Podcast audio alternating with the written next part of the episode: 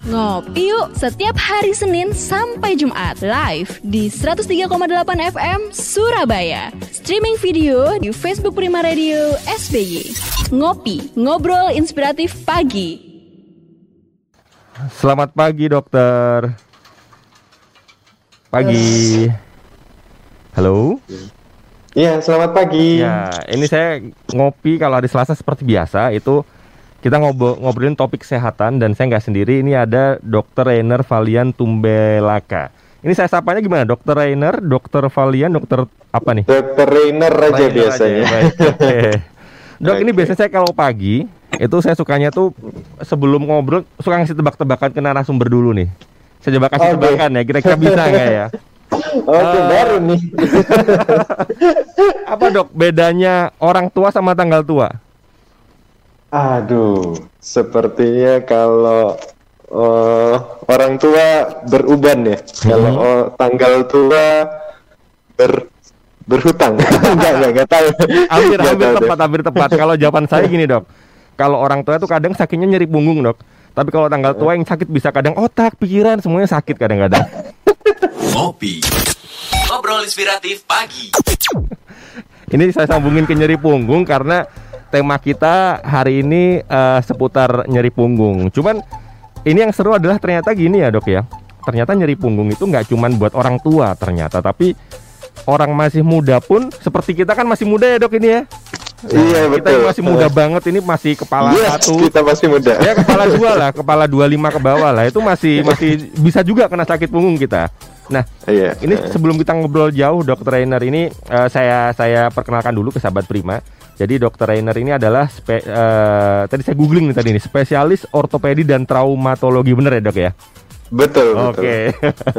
Jadi di, di bidang tulang seperti itu. Jadi kita akan eh, ngasih tahu sahabat Prima juga kalau intinya nyeri punggung apalagi yang bawah itu ternyata nggak cuman orang tua, bahkan orang-orang muda pun sahabat Prima juga mungkin bisa berpotensi terkena itu. Nah, terus ini sebelum ngobrol lebih jauh sebenarnya nyeri punggung itu apa sih dok? Kan orang kan biasanya kalau nyeri kan eh, apa namanya tangan, kaki. Kalau orang muda ya mungkin banyak olahraga dan sebagainya. Nyeri punggung mungkin hampir nggak terpikir itu sebenarnya apa? Terus pengaruhnya itu apa gitu? Silakan dokter Rainer.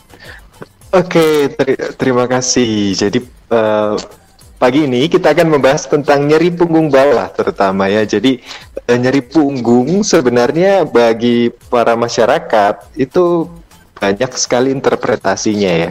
Jadi bisa dari sisi punggung bagian atas, bagian tengah, bagian bawah. Namun yang paling sering terjadi adalah punggung sisi bawah di mana di situ banyak gerakan ya. Jadi gerakan kita baik menunduk, mau berputar itu berbeda dengan dari punggung sisi atas atau tengah yang lebih rigid, lebih kaku.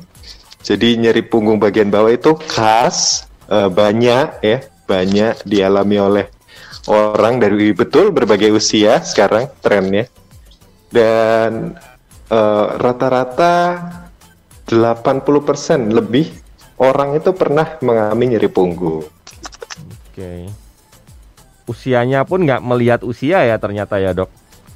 Eh, iya betul, Mas. Jadi eh, untuk usianya beragam ya, tapi rata-rata memang dialami usia produktif maupun usia eh, lanjut, yang usia-usia tua. Tapi tidak menutup kemungkinan juga banyak eh, pemuda, remaja bahkan ada juga bisa terjadi juga pada anak-anak. Oh, anak-anak juga bisa. Iya. heeh. serem ternyata. Nah, sahabat Rimani udah udah mulai kepikiran nih pasti. Aduh, ternyata serem juga ya nyeri punggung ya. Saya kira cuman orang tua aja, cuman ayah sama apa orang tua di rumah. Ternyata bahkan saya sendiri pikiran prim- sahabat Prima mungkin bahkan anak-anak bisa kena juga. Itu boleh sahabat Prima nanya lebih lanjut detail ya seputar nyeri punggung. Jangan nyeri yang lainnya, oke ya. Ini nyeri punggung aja. Nanti nomor rekening saya kok suka nyeri saldonya kenapa? Nah ini dokter trainer nggak bisa jawab ini. yang bisa jawab anda sendiri. anda bisa nanya apa aja pun seputar eh, nyeri punggung dan tulang juga ya, seputar punggung juga.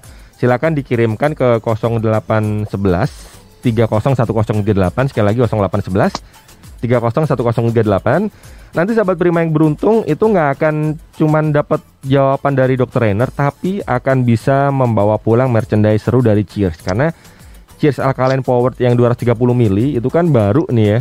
Dan dia pH alkalinnya tuh hingga 8,5 dan itu bisa membantu menyeimbangkan pH tubuh sahabat prima.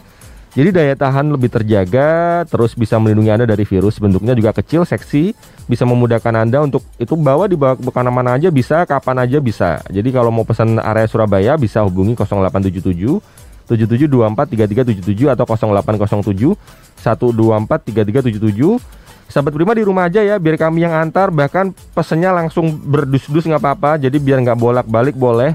Cheers Alkaline Power 230 mili, seksi, healthy, dan easy. Kita balik lagi ke Dr. Rainer sekarang. Yang kalau Anda sekarang lihat di YouTube-nya Prima Radio ya, Prima Radio Surabaya itu sekarang dokter Rainer tampaknya bukan tampaknya memang ya ini lagi praktek di rumah sakit karena pakaiannya lengkap sekali. Iya. Kalau di rumah nggak mungkin yeah. seperti ini soalnya. Betul, ngapain juga. ini maaf belum nyambung ke tema dok. Ini dari jam berapa tadi yeah. di rumah sakit? Barusan, barusan, oh, barusan ya. sampai. Sampai jam berapa ah, biasanya? Uh, kalau hari ini mungkin sampai sore ada operasi poli. Okay Ya, jadi mungkin sore sore. Tapi dokter trainer kan mobile ya, maksudnya gerak dari ruangan, meja ke ruang operasi kan ya. Nah, ini biasanya pekerja-pekerja dok, apalagi kalau sekarang WFH ya, itu mau nggak hmm. mau, kalau WFO enak ya, bisa turun bentar ke pantry atau nyapa-nyapa teman. Tapi kalau WFH mau nggak mau harus di depan layar, wajahnya harus kelihatan terus. Kalau dulu bisa diakalin ya dok ya, dipasang foto kita orangnya pergi bisa. Sekarang bosnya lebih pinter. Ini kok fotonya nggak gerak ya?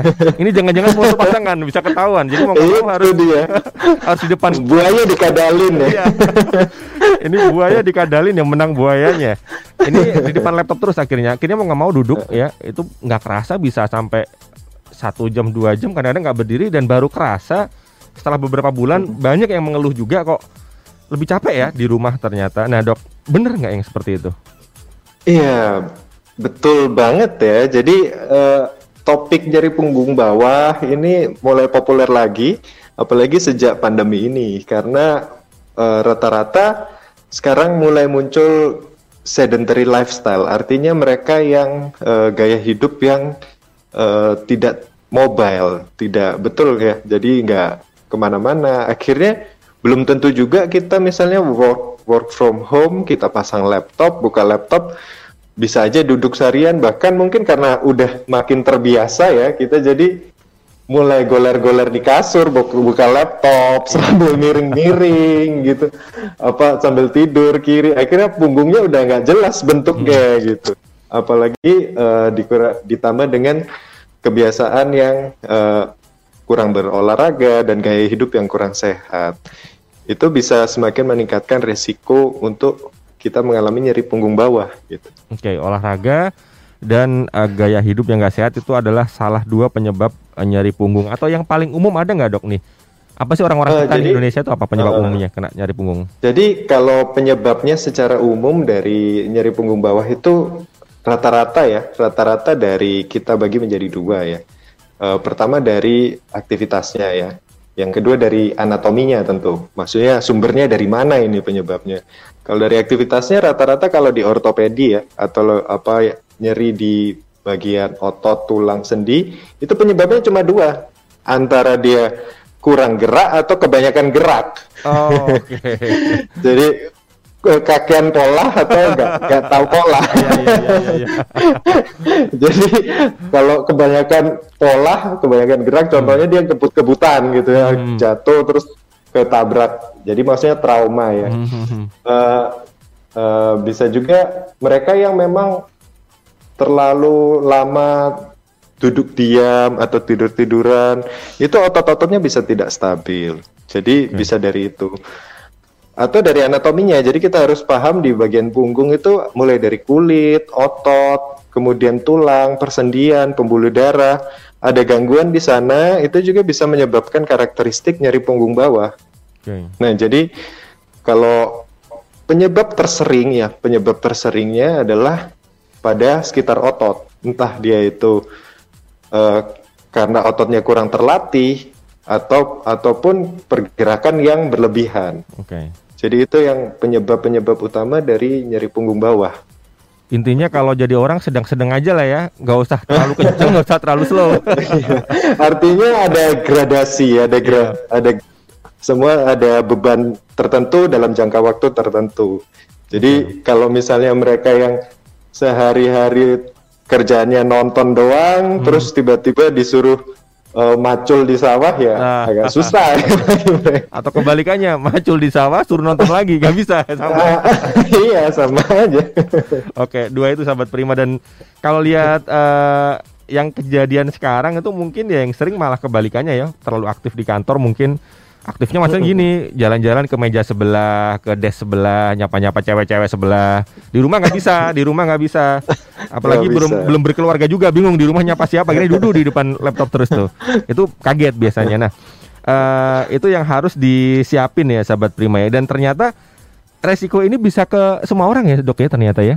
Iya betul. Jadi eh, nyeri punggung bawah sebenarnya kan eh, penyebab secara garis besar bisa dibagi menjadi dua itu antara aktivitas ataupun dari struktur anatominya. Nah mayoritas itu karena dari ototnya ya. Meskipun ada juga yang bilang karena saraf terjepit dan lain sebagainya kalau dari persendian, dari bantal persendiannya.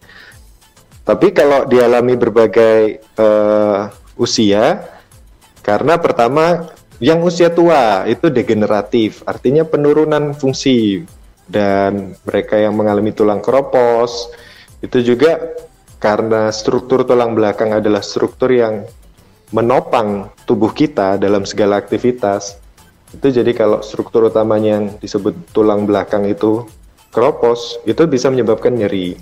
Kalau untuk remaja, pemuda, atau usia produktif biasanya karena postur.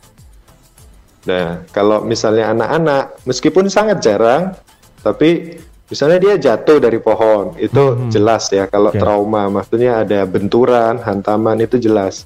Ada juga yang punggungnya agak miring ya, Hmm, skoliosis ya. Oke. Jadi eh, miringnya itu bisa kompensasinya nyeri punggung bawah. Oke. Nah, seperti itu. Saya yang tertarik yang orang muda tadi dok itu bisa apa namanya dari postur, postur maksudnya bawaan dari lahir atau gimana dok? Postur artinya kalau di usia produktif ya cara kita bekerja ya. Jadi di depan laptop, duduk lama, eh, ngobrol sama klien mungkin atau sama bos kita atau sama karyawan, eh, hadap-hadapan, rapat. Akhirnya eh, dengan postur yang kurang tepat baik dari cara duduknya maupun eh, kalau misalnya pun di eh, sehari-hari postur kita berjalan dan berdiri ada juga yang salah itu bisa membuat nyeri punggung di bagian bawah. Oke, itu ya. Lagi-lagi gaya hidup maksudnya nggak cuman gaya hidup itu kan mungkin identik dengan senang-senang nggak gaya hidup ya gaya kerja juga. Mungkin yang sekarang banyak ya rata-rata sekarang saya tanya habis ngapain? Meeting online berapa dari jam berapa? Dari pagi Terus saya lihat udah tiga jam ternyata. Beneran maksudnya rapatnya rapat beneran di ruangan di kamar dia nggak gerak ke mana-mana. Nah, ini bahaya Nah, juga iya. sebenarnya ya dok ya Ah, betul betul. Oke itu bahaya juga. Nah tadi yang anak-anak juga gitu. Mungkin anda punya anak di rumah, kemudian keasikan kerja di, nggak dilihat anaknya ternyata udah naik ke mana terus jatuh itu juga bahaya. Bisa bisa tulang nyeri apa punggung nyeri punggung juga terjadi. Itu kalau anak anak anak anak kan itu jatuh jatuh dari pohon jatuh dari mungkin naik naik di ruangan. Kalau bapaknya beda jatuhnya bahaya jatuh hati ke orang lain itu nggak boleh ya pak ya.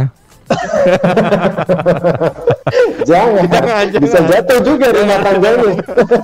Oke. Sama rumah tangganya jatuh. Dok ini izin ada yang masuk ke WA-nya Prima Radio saya baca nggak apa-apa ya dok? Silakan. Oke, ini ada yang masuk di 0811 301038 dari Pak Putra. Selamat pagi Pak Putra. Dia intinya WA kayak gini dok. Dia tuh baru sadar kalau sejak awal tahun itu dia suka sakit punggung, nggak enak rasanya. Mungkin dia intinya dia mengira itu efek usia, tapi setelah mendengar tadi dok trainer bilang ternyata potensi itu bukan karena usia juga, mungkin ada karena gaya hidup juga. Nah ini kalau dia menceritakan ya Pak eh, Putra menceritakan dia itu biasa konferensi call itu bisa tiga jam nonstop sehari di depan laptop kamera harus nyala. Oke saya paham maksudnya nggak bisa ke mana-mana ya Pak ya. Terjebak. iya. Saran dok harusnya gimana? Buat ngakalin lah tiga jam yang saya konferensi konferensi conference call terus itu posisi dan lain-lain itu harusnya gimana biar nggak kebawa kan ini kayaknya pandemi masih lama juga seperti itu. Oke Oke. baik terima kasih eh, Pak Putra silakan dokter Renner. Oke, kalau dilihat dari ceritanya sih, eh, saya rasa mungkin sedang di usia-usia produktif ya, Hmm. atau kan, jadi masih conference call dan Hmm. Eh, pertama yang perlu diperhatikan dari postur dan durasi duduk ya. Jadi kalau dari postur eh, sebaiknya kalau kita untuk duduk itu dilihat dari atas sampai ke bawah bahkan. Jadi dari eh, layar kita, layar laptop ya, itu yang terbaik adalah sekitar 30-40 cm minimal ya Oke. dari jarak kepala kita dan kepala kita itu mata kita itu harus berada sepertiga di atas layar. Jadi kalau layarnya di depan gini, Mhm. minimal mata kita sejajar dengan sepertiga di atas layar. Jadi Oh. kalau kalau kita eh, membungkuk begini itu tidak bagus untuk tulang belakang juga karena leher kita nanti pundak kita akan cepat pegal ya. Oke. Sepertiga di atas Kemudian- layar ya mata kita ya dok ya. Sepertiga di atas Iya, layar ya. nah, sepertiga di atas layar sejajar Oke. dengan itu. Jadi Oke. kurang lebih eh, untuk melihat itu dengan mata bisa 30 45 derajat ke bawah, nggak usah pakai leher. Mhm. Kemudian pastikan kursinya eh, ada sandarannya ya. Jadi lebih Hmm. bagus ada sandarannya. Kalau ada untuk leher lebih bagus lagi. Eh, jadi eh, bisa eh, posisi punggung kita tegak, nggak perlu terlalu 90 derajat. Hmm. Tapi yang jelas tidak perlu sampai maju ke depan begini itu malah lebih beban eh, distribusi bebannya ke, ke punggung bagian bawah. Hmm, harus malah nyandar ke belakang ya harusnya ya. Ya, jadi cukup eh, nyender seperti ini. Nah, dengan posisi seperti itu jangan lupa juga turun ke bawah dari sikunya. Jadi pak- pakai armrest lebih bagus. Oh, oke. Yang si, eh, sikunya kursi itu ya. Ya, armrest yang untuk di misalnya kadang kita sikunya gelantung gitu ya. misalnya pegang keyboard, makanya kan ada Oh. beberapa yang yang Ya. ada armrestnya itu. Kemudian dari panggulnya Mhm. eh, kurang lebih 90 derajat ya. 90 sampai 120 derajat. Kakinya juga eh, sebaiknya eh, jadi cukup misalnya kalau pakai cewek-cewek pakai heels ya, itu Hmm. bisa dilepas. Oke. Jadi jangan terus-terusan dipakai. Kalau di rumah pakai Itu- sandal jepit biasanya dok. Iya iya iya. Kalau di rumah sih nggak ada masalah, mungkin Hmm. masalah kaki ya. Lain-lain sih durasinya ya. Jadi itu tentang posturnya. Durasinya jadi kalau eh, sudah kurang lebih satu jam bisa istirahat 5 menit ya. Ada rulesnya seperti itu. Oke. Jadi eh, stretchingnya mudah saja ya. Jadi cukup berdiri Mhm. ataupun dari eh, dari tempat duduk kita duduk Hmm. bisa melakukan gerakan-gerakan stretching sederhana. Mhm. Untuk mudahnya dimulai dari atas ke bawah. Jadi Oke. Semua terstruktur biar nggak ada yang lupa ya. Itu cuma buat struktur aja. Jadi lehernya noleh kiri, tunduk atas, lihat langit-langit. Baru pinggangnya diputar, miring kiri, miring kanan. Jadi eh, nggak stagnan ya Oke. seperti itu. Lima menit ya stretchingnya ya dok kira-kira ya. Dari satu Ya jam ya. kira-kira itu. Heeh, jadi Satu jam lima menit stretching, satu jam lima menit stretching gitu ya. Iya. Oke.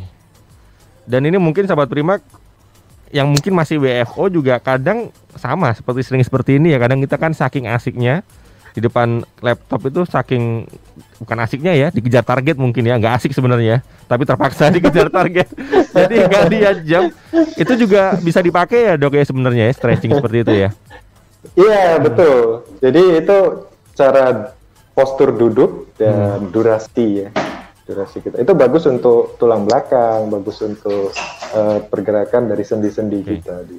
ini itu makanya ini ya saya kok suka lihat eh, kursinya orang-orang yang gaming itu sampai tinggi ya Nah, iya itu itu. ya Paling mudah memang melihat mereka yang suka nge-game ya. Iya, iya, iya. Gamer-gamer profesional pasti mereka sudah mendesain sedemikian rupa Kalau- sampai itu nyaman. lihat YouTube-nya itu loh kadang-kadang ini kursinya tinggi banget ya ini kerja ini bos atau apa ternyata ya buat leher sebenarnya. Gamer, streaming. Oke oke oke oke. Oke baik dok. Terima kasih Pak Putra. Nanti eh, akan kami hubungi bisa mendapat merchandise dari Cheers juga. Pertanyaan sudah terjawab ya Pak ya. Yang penting jangan lupa tadi Pak dari atas sampai bawah. Yang saya baru paham ini nih Pak seperti eh, dokter ternyata sepertiga mata kita harus di atas laptop. Itu yang saya baru tahu sekarang. Kalau mungkin sandar sebagainya kan sudah pernah dengar baca kalau yang ini di atas lap, di atas layar laptop ini yang mungkin sahabat dulu juga mungkin baru tahu juga ya. Jadi nggak boleh. Mungkin ada orang kalau saya lihat teman-teman yang pada kerja di rumah itu kan saya lihat laptopnya dikasih apa pijakan tinggi biar tinggi itu ternyata malah ya harusnya sepertiga di bawah mata kita ya harusnya dok ya. Oh ya, jadi uh, sepertiga layarnya itu sejajar dengan mata kita gitu. Hmm. Jadi kalau dia ditaruh di bawah begini kan leher kita akan noleh ke bawah. Hmm. Nah itu nggak bagus untuk tulang belakang. Oke, baik baik baik baik. Oke, sandaran juga gitu ya Pak Putra ya. Ini Pak Putra lagi sandarannya harus pas. Sandarannya kursi. Kalau ada kepikiran sandar-sandar ke yang lain, lihat dulu ada istrinya nggak di samping. dok ini saya lanjut lagi pertanyaannya dok. Ini pertanyaannya tentang postur duduk yang benar itu sudah terjawab. Terus nah ini dok, kalau memang sudah terlanjur, terlanjur Hmm. nyeri punggung bawah nih, nyeri punggung bawah mungkin terganggu, itu penanganan awal ada nggak dok? Mungkin yang bisa dilakukan sendiri tanpa harus ke rumah sakit mungkin itu ada nggak langkah awal? Oke, jadi kalau uh, memang udah nyeri punggung bawah nih, Hmm. meskipun uh, baik itu terjadi secara akut atau tiba-tiba atau menetap atau kronis ya. Jadi ada langkah-langkah yang bisa dikerjakan. Pertama, karena kita tahu punggung nyeri punggung bawah itu ada faktor resikonya. Jadi mereka yang uh, obesitas atau mereka yang gemuk ya, itu lebih beresiko. Mereka yang merokok, kemudian mereka yang lanjut usia, kalau lanjut usia tentu kita nggak bisa me- me- merubah ya. Perempuan juga lebih sering mengalami. Tapi kita bisa merubah seperti eh, dari obesitas itu dengan dan merokok ya dengan modifikasi gaya hidup. Artinya kita merubah eh, kegiatan kita lebih aktif berolahraga, jaga pola makan, pola jalankan pola hidup sehat, Eh, berhenti merokok jelas karena merokok mengganggu pembuluh darah atau sirkulasi terutama sirkulasi di bagian punggung dan sendi-sendi di bagian punggung. Itu yang pertama dilakukan. Kemudian ya cari penyebabnya. Misalnya, oh ini sakit punggungnya karena postur nih. Oke, perbaiki postur. Baik duduk maupun berdiri. Jadi kalau berdiri itu kuping, pundak, pinggang, dan kaki itu harus sejajar. Jadi kalau lehernya agak maju begini itu tolong diperbaiki. Gitu. Kemudian tentu dengan nggak semua dilakukan intervensi.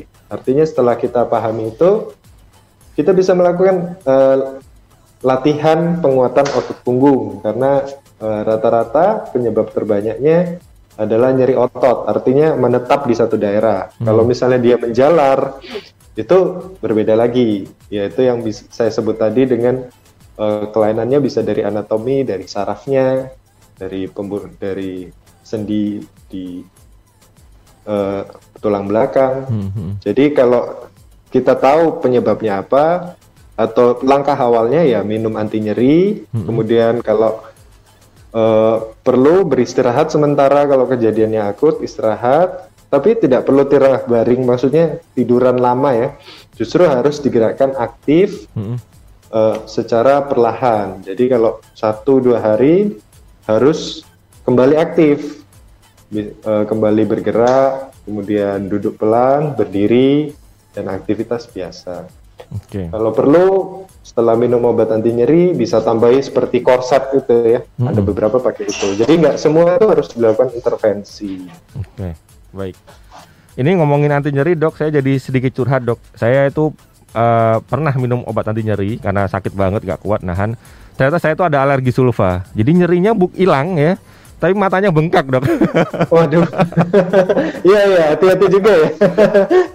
Ada beberapa orang yang alergi anti nyeri memang. Hmm, Sulfa akhirnya, memang banyak yang alergi. akhirnya Kalau langsung cari apa degan hijau atau apa itu diminum. Jadi perutnya kenyang, kenyangnya bukan kenyang makan, kenyang kenyang air.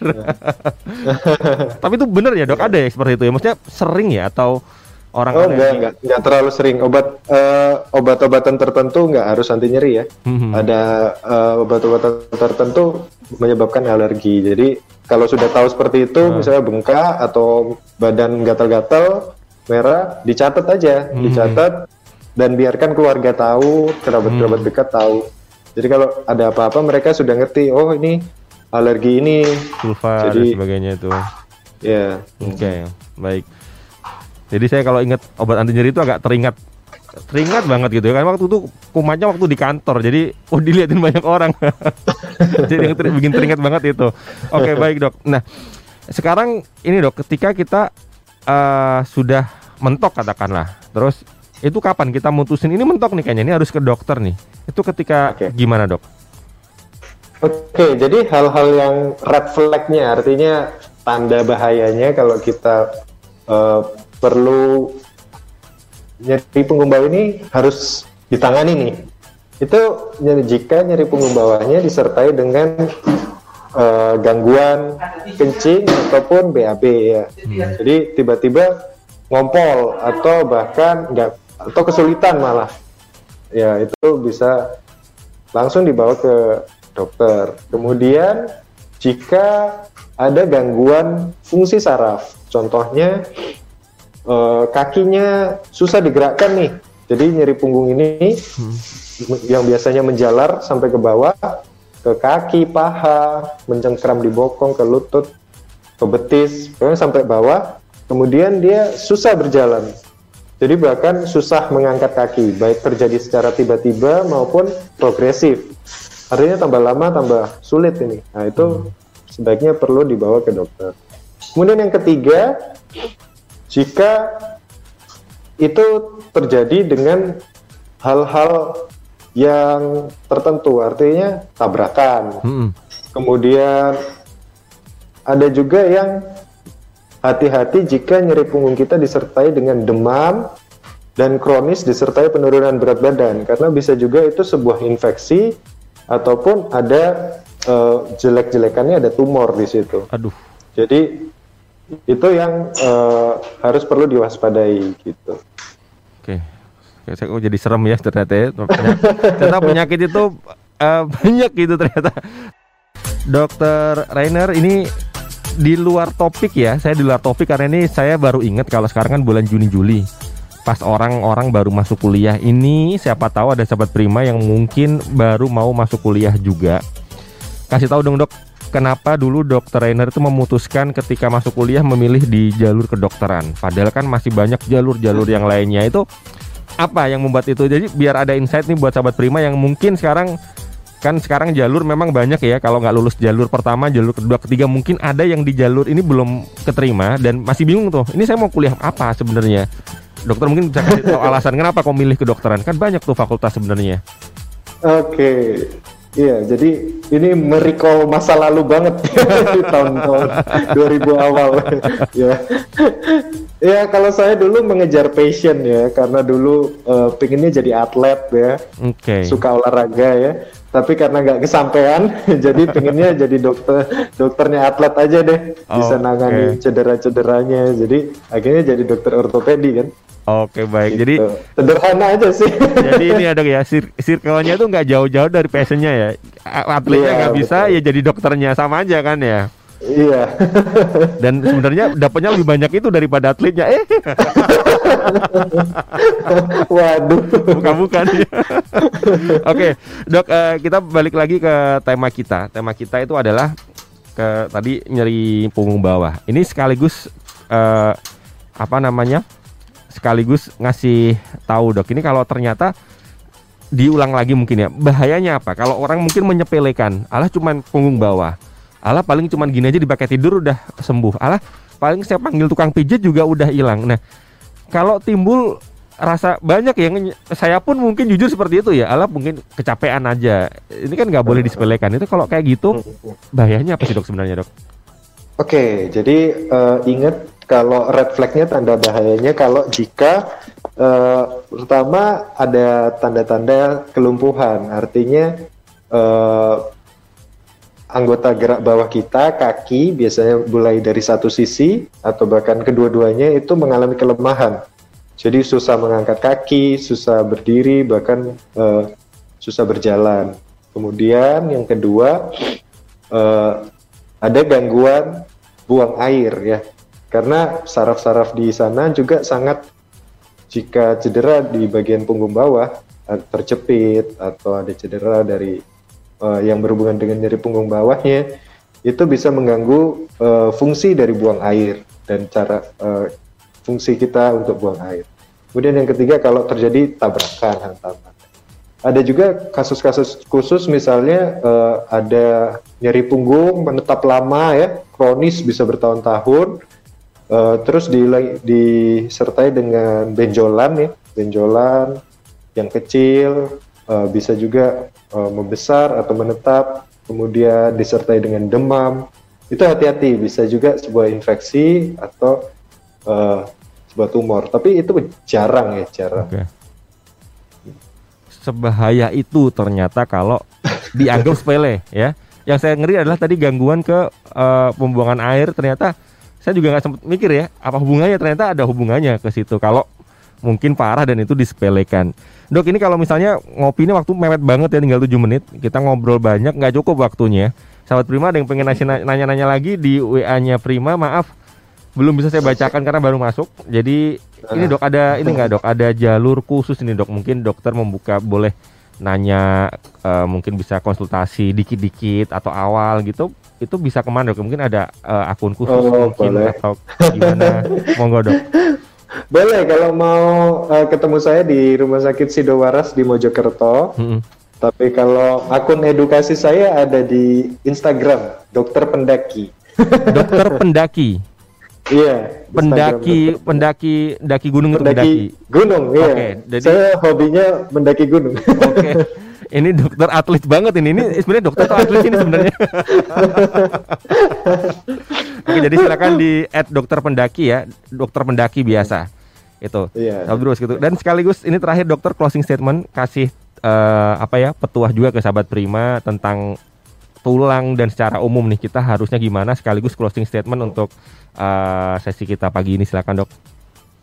Oke, nyeri punggung bawah dialami oleh banyak orang ya, hampir eh, uh, 80% orang selama hidup mengalaminya dan salah satu pasien pasien terbanyak gejalanya yang datang karena nyeri punggung bawah. Itu kebanyakan tidak perlu uh, sesuatu tindakan intervensi, tapi pastikan kita jaga pola hidup sehat, kemudian hindari uh, obesitas, overweight dengan rutin berolahraga dan tentu kalau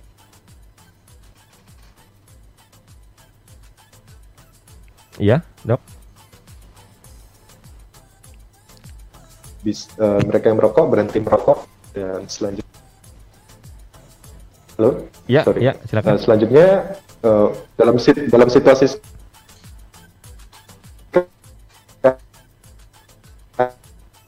ya karena sedang jadi uh, hindar juga. Oh, ya sehat-sehat pasti. Ini terima kasih banyak ini kalau dokter yang ngomong sahabat gunung percaya nih. Kalau saya ngomong nggak percaya dok. Makanya saya minta dokter trainer yang kasih closing statement gitu. Kalau saya nyimpulin nggak percaya, dokter yang ngomong percaya nih. Oke sekali lagi silakan. Saya saya saya ini lagi ya announce lagi ya. Uh, kalau mau bertanya lebih lanjut ini waktu kita mepet silakan bisa DM ke dokter trainer ke @dokterpendaki di Instagramnya nanti DM aja ke sana ya yang penting selama dokter jam lihat jam ya kalau nanya ya jangan malam jam-jam kerja gitu dikira-kira lah jamnya jam berapa supaya enggak bisa dijawab juga gitu seperti itu. Baik, Dokter Ren terima kasih banyak ya salam kami buat teman-teman di rumah sakit. Semoga ini sekarang tantangan buat nakes banget uh, hari-hari iya. ini. Kalau dulu kan tantangannya kan di ekonom ya, di politikus, iya. sebagainya. Sekarang nggak di nakes tantangan terberatnya di iya. sana. Oke baik, salam kami buat teman-teman di rumah sakit. Semoga sehat selalu, lancar semuanya baik. dok ya. Baik, selamat pagi dok, selamat beraktivitas. Saya pamit terima ya, kasih, dok. saya pamit. Terima ya, kasih. terima kasih. Waktunya ngopi nih. Ngobrol inspiratif pagi. Ngopi yuk setiap hari Senin sampai Jumat live di 103,8 FM Surabaya. Streaming video di Facebook Prima Radio SBY. Ngopi, ngobrol inspiratif pagi.